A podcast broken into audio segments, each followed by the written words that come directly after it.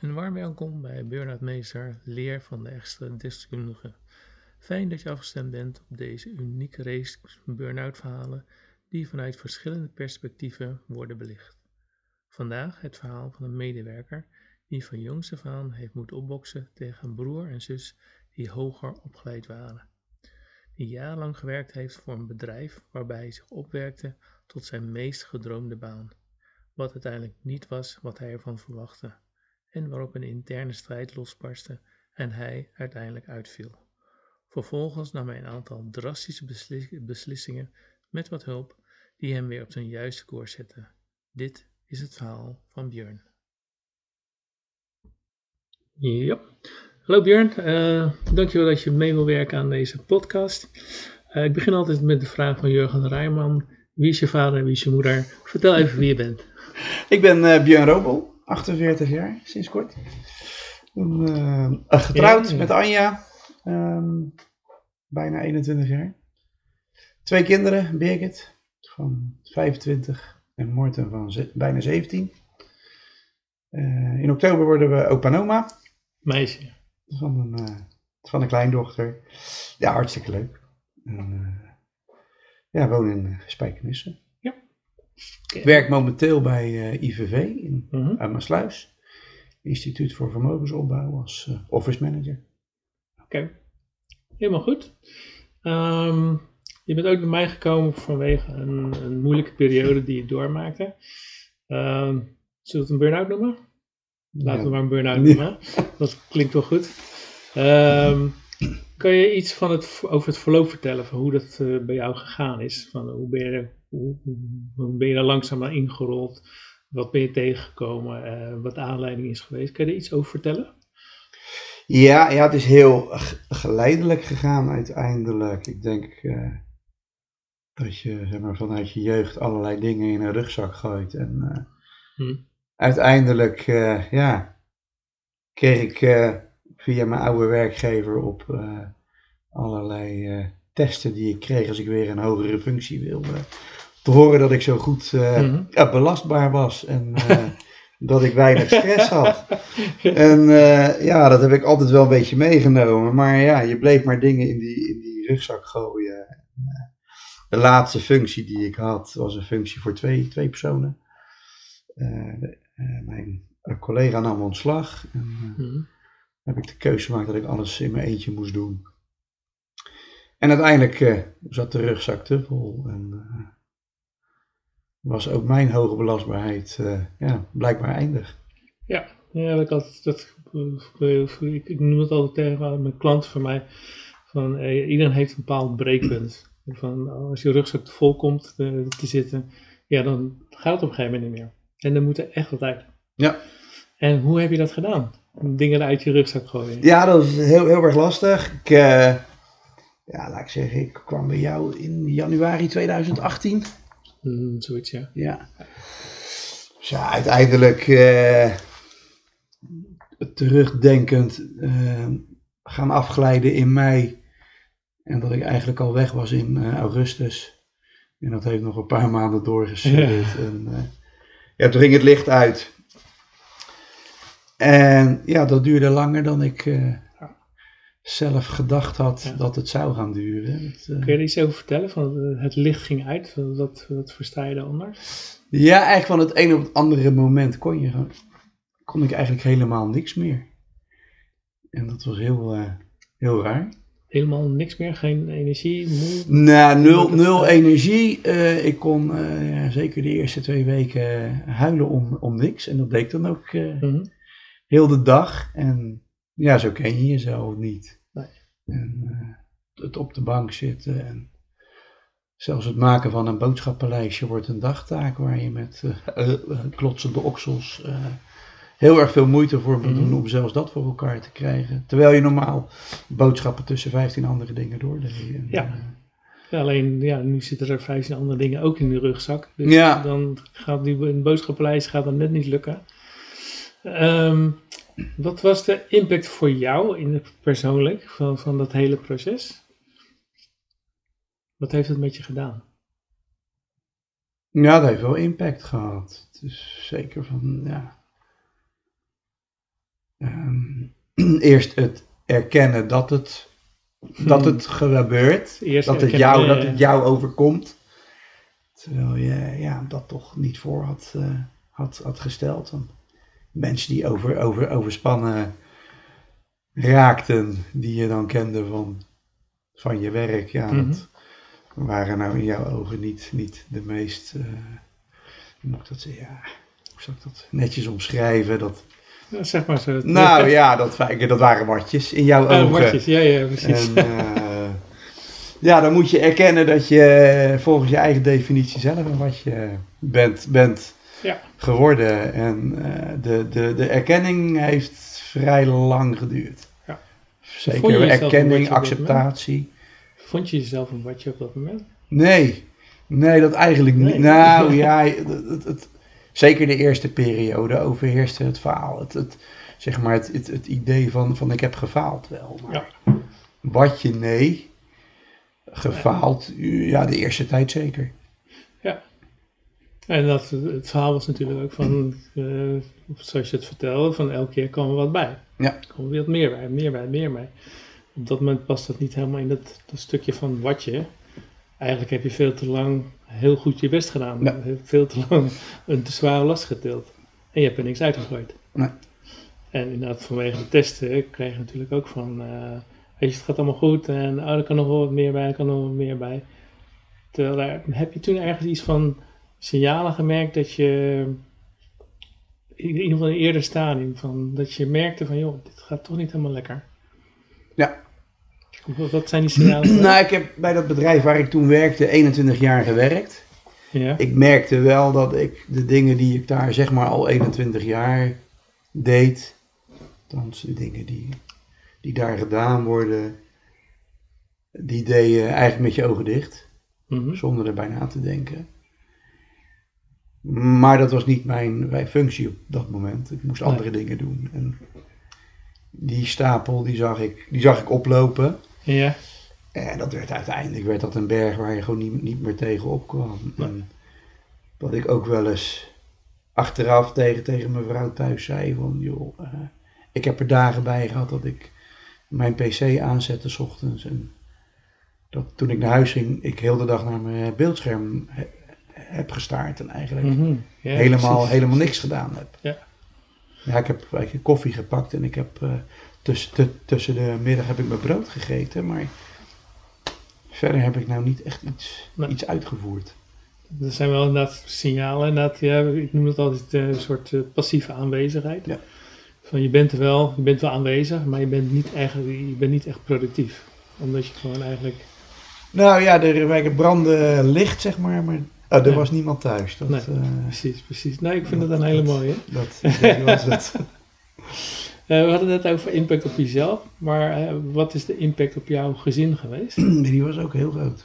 Ja. Nou, En kan je er iets over vertellen? nou ja, een puberzoon die, die, ja, die, die zijn vader als een hoopje zielig mens op de bank ziet zitten. Ja. En, vijf uur lang Netflixend het verder, verder niks doet. En zelfs dat Netflix kwam niet binnen, maar hij stond aan. Ja, ja, ja. En eh, dat vond ik wel lastig. Van nou, wat, voor, wat voor voorbeeld geef je dan? Mhm. Maar ook de relatie met mijn eh, vrouw eh, ja, kwam daardoor toch wel onder eh, druk te staan. Zeker in het begin ook, omdat zij juist heel veel energie had. En dacht van, nou, als ik nou wat van mijn energie in hem stop, dan, dan, gaat dat goed komen. en ja. ja, dat werkte averechts. Ja, Ja. klopt.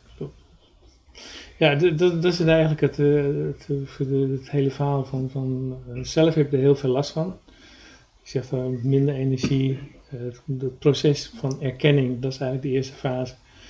Zie je inderdaad, het heeft een hele lange tijd in beslag genomen voordat daar een soort acceptatie is. Van, nou, ik ben nou eenmaal dat watje, zoals je dat noemt.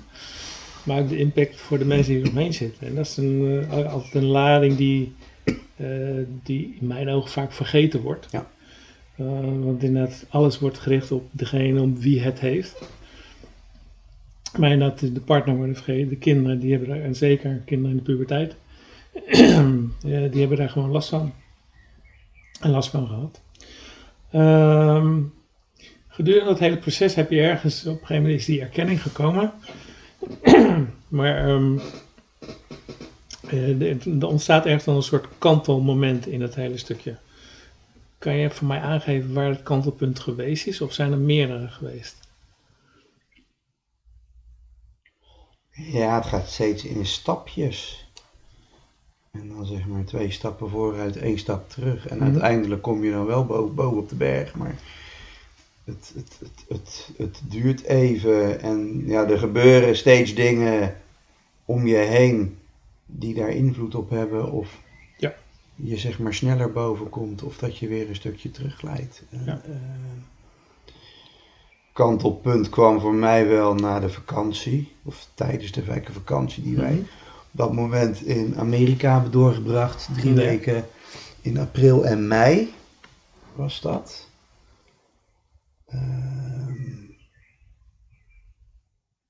daar zat een klein breekpuntje in dat ik vond dat, ik, uh, dat het eigenlijk wel heel erg goed met me ging. En dat ik dingen invulde mhm. voor anderen van hoe die mij zagen. Of dat ik vond dat zij het niet snapten.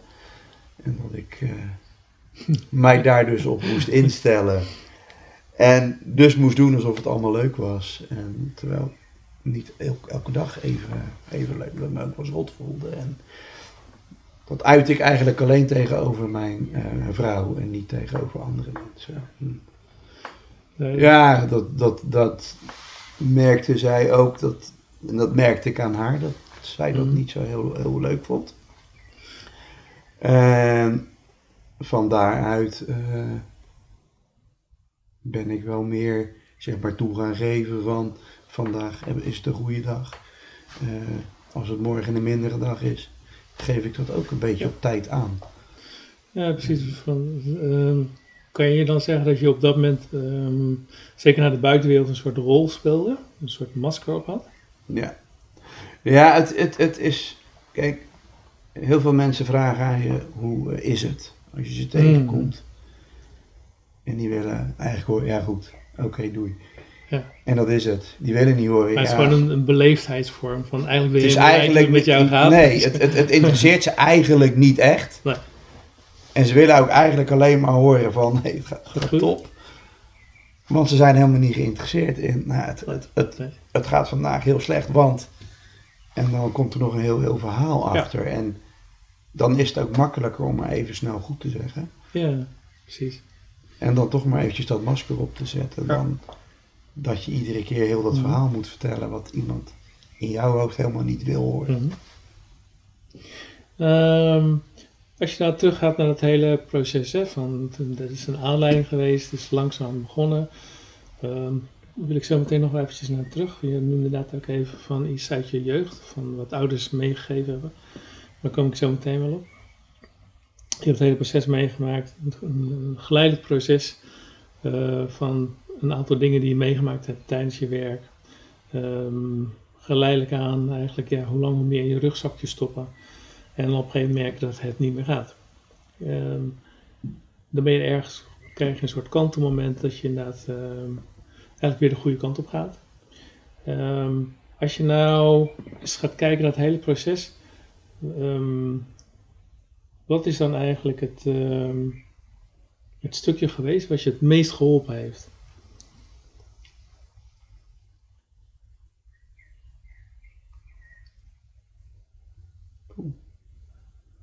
Een goeie. Um, ja, wat mij me een van de dingen die mij het meest geholpen heeft, is om uiteindelijk uh, voor jezelf vast te stellen dat je niet meer terug wil in de baan die je had en naar het bedrijf die je had en dat je daar vandaan, dus dat je die, die route af kan kruisen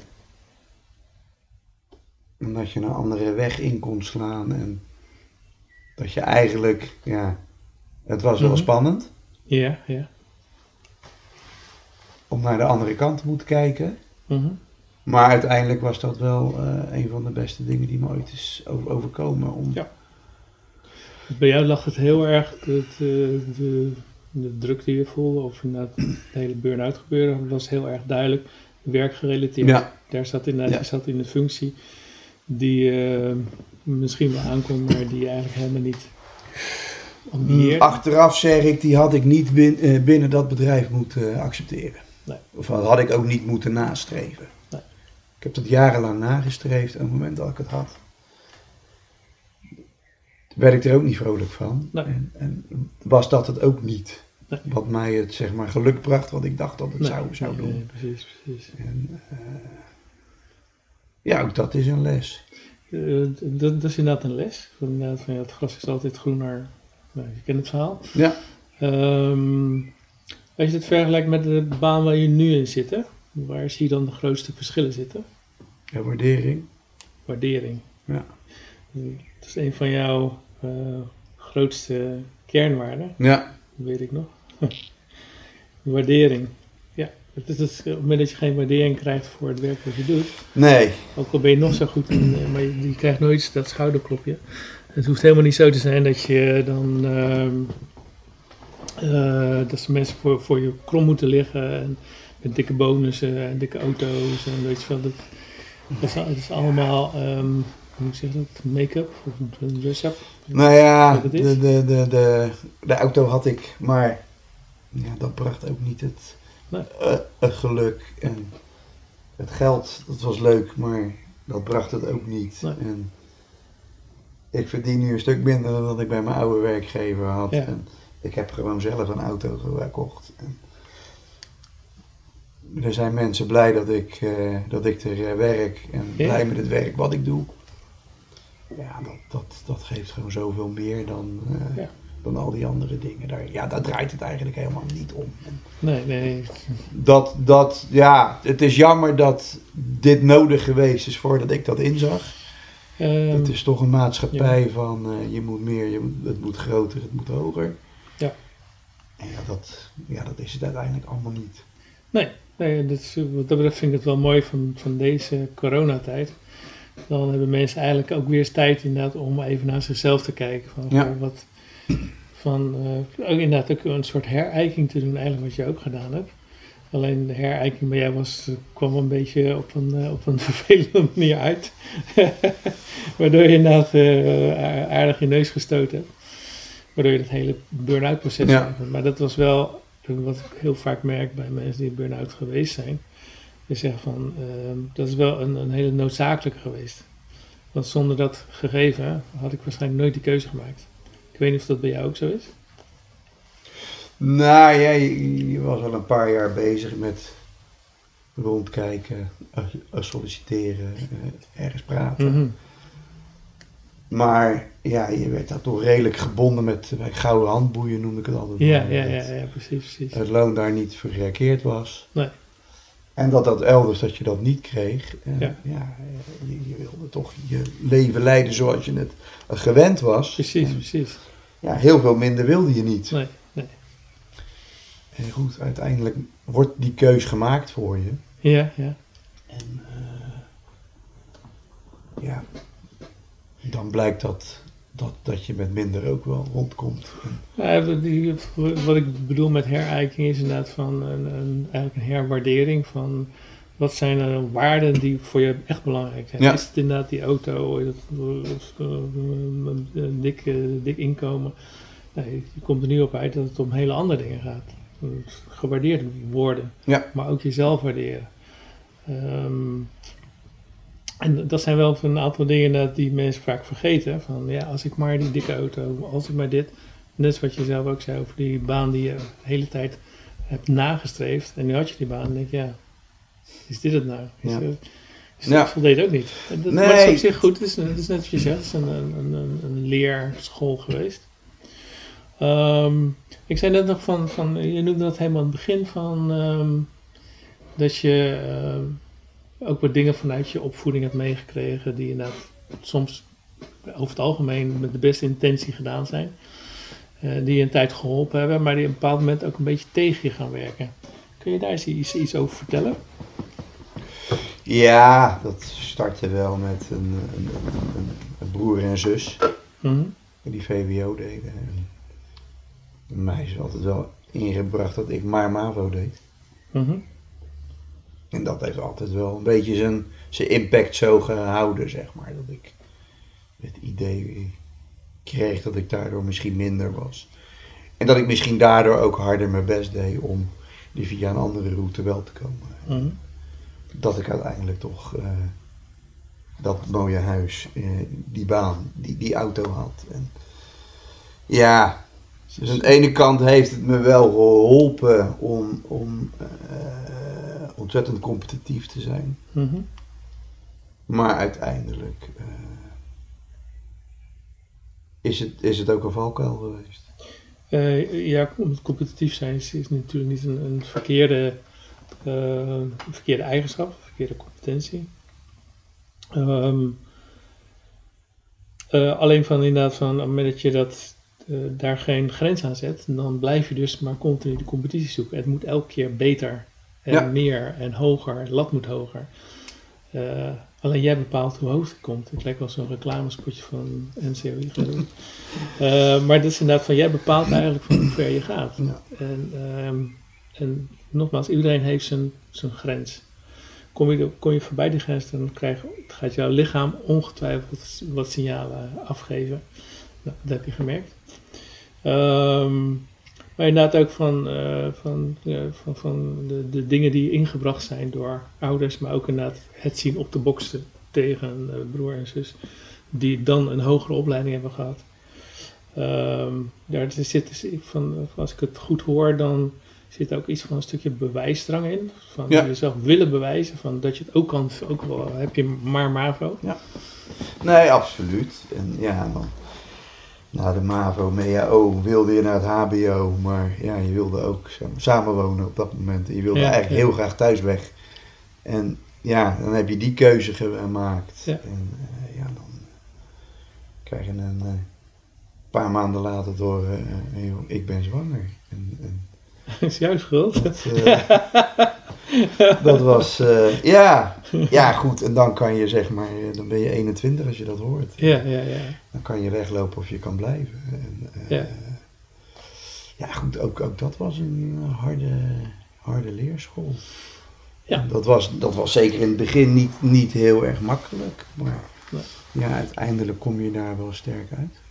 Dus dat, is- dat wilde ik net zeggen. Van, van, het, is, het zijn van vaak de tegenslagen die je op een gegeven moment ook vormen en die je ook, ook sterker maken dan, dan ooit daarvoor. Ja. En dat is inderdaad, ik weet niet als je dat, dat hele proces nu nog eens terugkijkt, kun je, kun je daar ook op die manier naar kijken? Van dat het je sterker gemaakt heeft? Of, Ja, op een groot aantal vlakken wel. Mhm. Sommige dingen blijven lastig. Maar ja, Ja, het- mensen hebben altijd hun, hun valkuilen. eh, confrontatie zoeken ben, ben ik nog steeds niet sterk in. Ja. Maar dat ben ik nooit geweest. Ik, eh, En dat, ook daarin is het, is het van, van het is wat het is. Ehm, je kan kijken, als je er wat mee wil doen, of je wat assertiever kan zijn, Ja. of weet ik veel wat. Maar je kan ook zeggen van, joh, zo zit ik nou in elkaar. En eh take it or leave it. Ehm, ik vind het best. Ja. Dan maak je het voor jezelf in ieder geval een heel stuk makkelijker. Als je elke keer van, ja, ik moet, ik moet, ik moet. Ja, dan, dan wordt het een soort, soort dwangmatig iets. Ehm, en het gaat op een gegeven moment vroeg of laat ook tegen je werken. ja, dat werkt niet. Nee, nee dat klopt. En hoe sta je er nu op? Nu inderdaad staan we hier, wat is het, eh, 6 mei 2020. Hoe sta je er nu op? Zoals je hier nu zit, eh, je wordt open. Ja, het, het gaat eigenlijk baan. heel, heel erg goed. Eh, een leuk, leuke baan. wordt, wordt gewaardeerd. Kan cursussen, opleidingen doen die ik wil. En, Heb, je, heb je nog ambities om opleidingen te gaan doen binnen het vermogen? Ja, ik, ik, ik ben nu bezig met eh, de WFT. ehm, ja, dat is een goede. Ik kan het honderd keer zeggen. Een opleiding. Oh, WFT vermogensbeheer volgens mij. En ehm, ja, gewoon eh, zeg maar stapje voor stapje opbouwen in de hoop eh, Ja. over eh, twee, drie jaar, noem maar wat, eh, Mhm. ook, eh, ook met klanten in de spreekkamer te zitten. En, ja, dus- maar het moet niet. Ik zou het heel leuk vinden, maar ja, we gaan gewoon kijken hoe dat dit eh, loopt. En, eh, Kijk.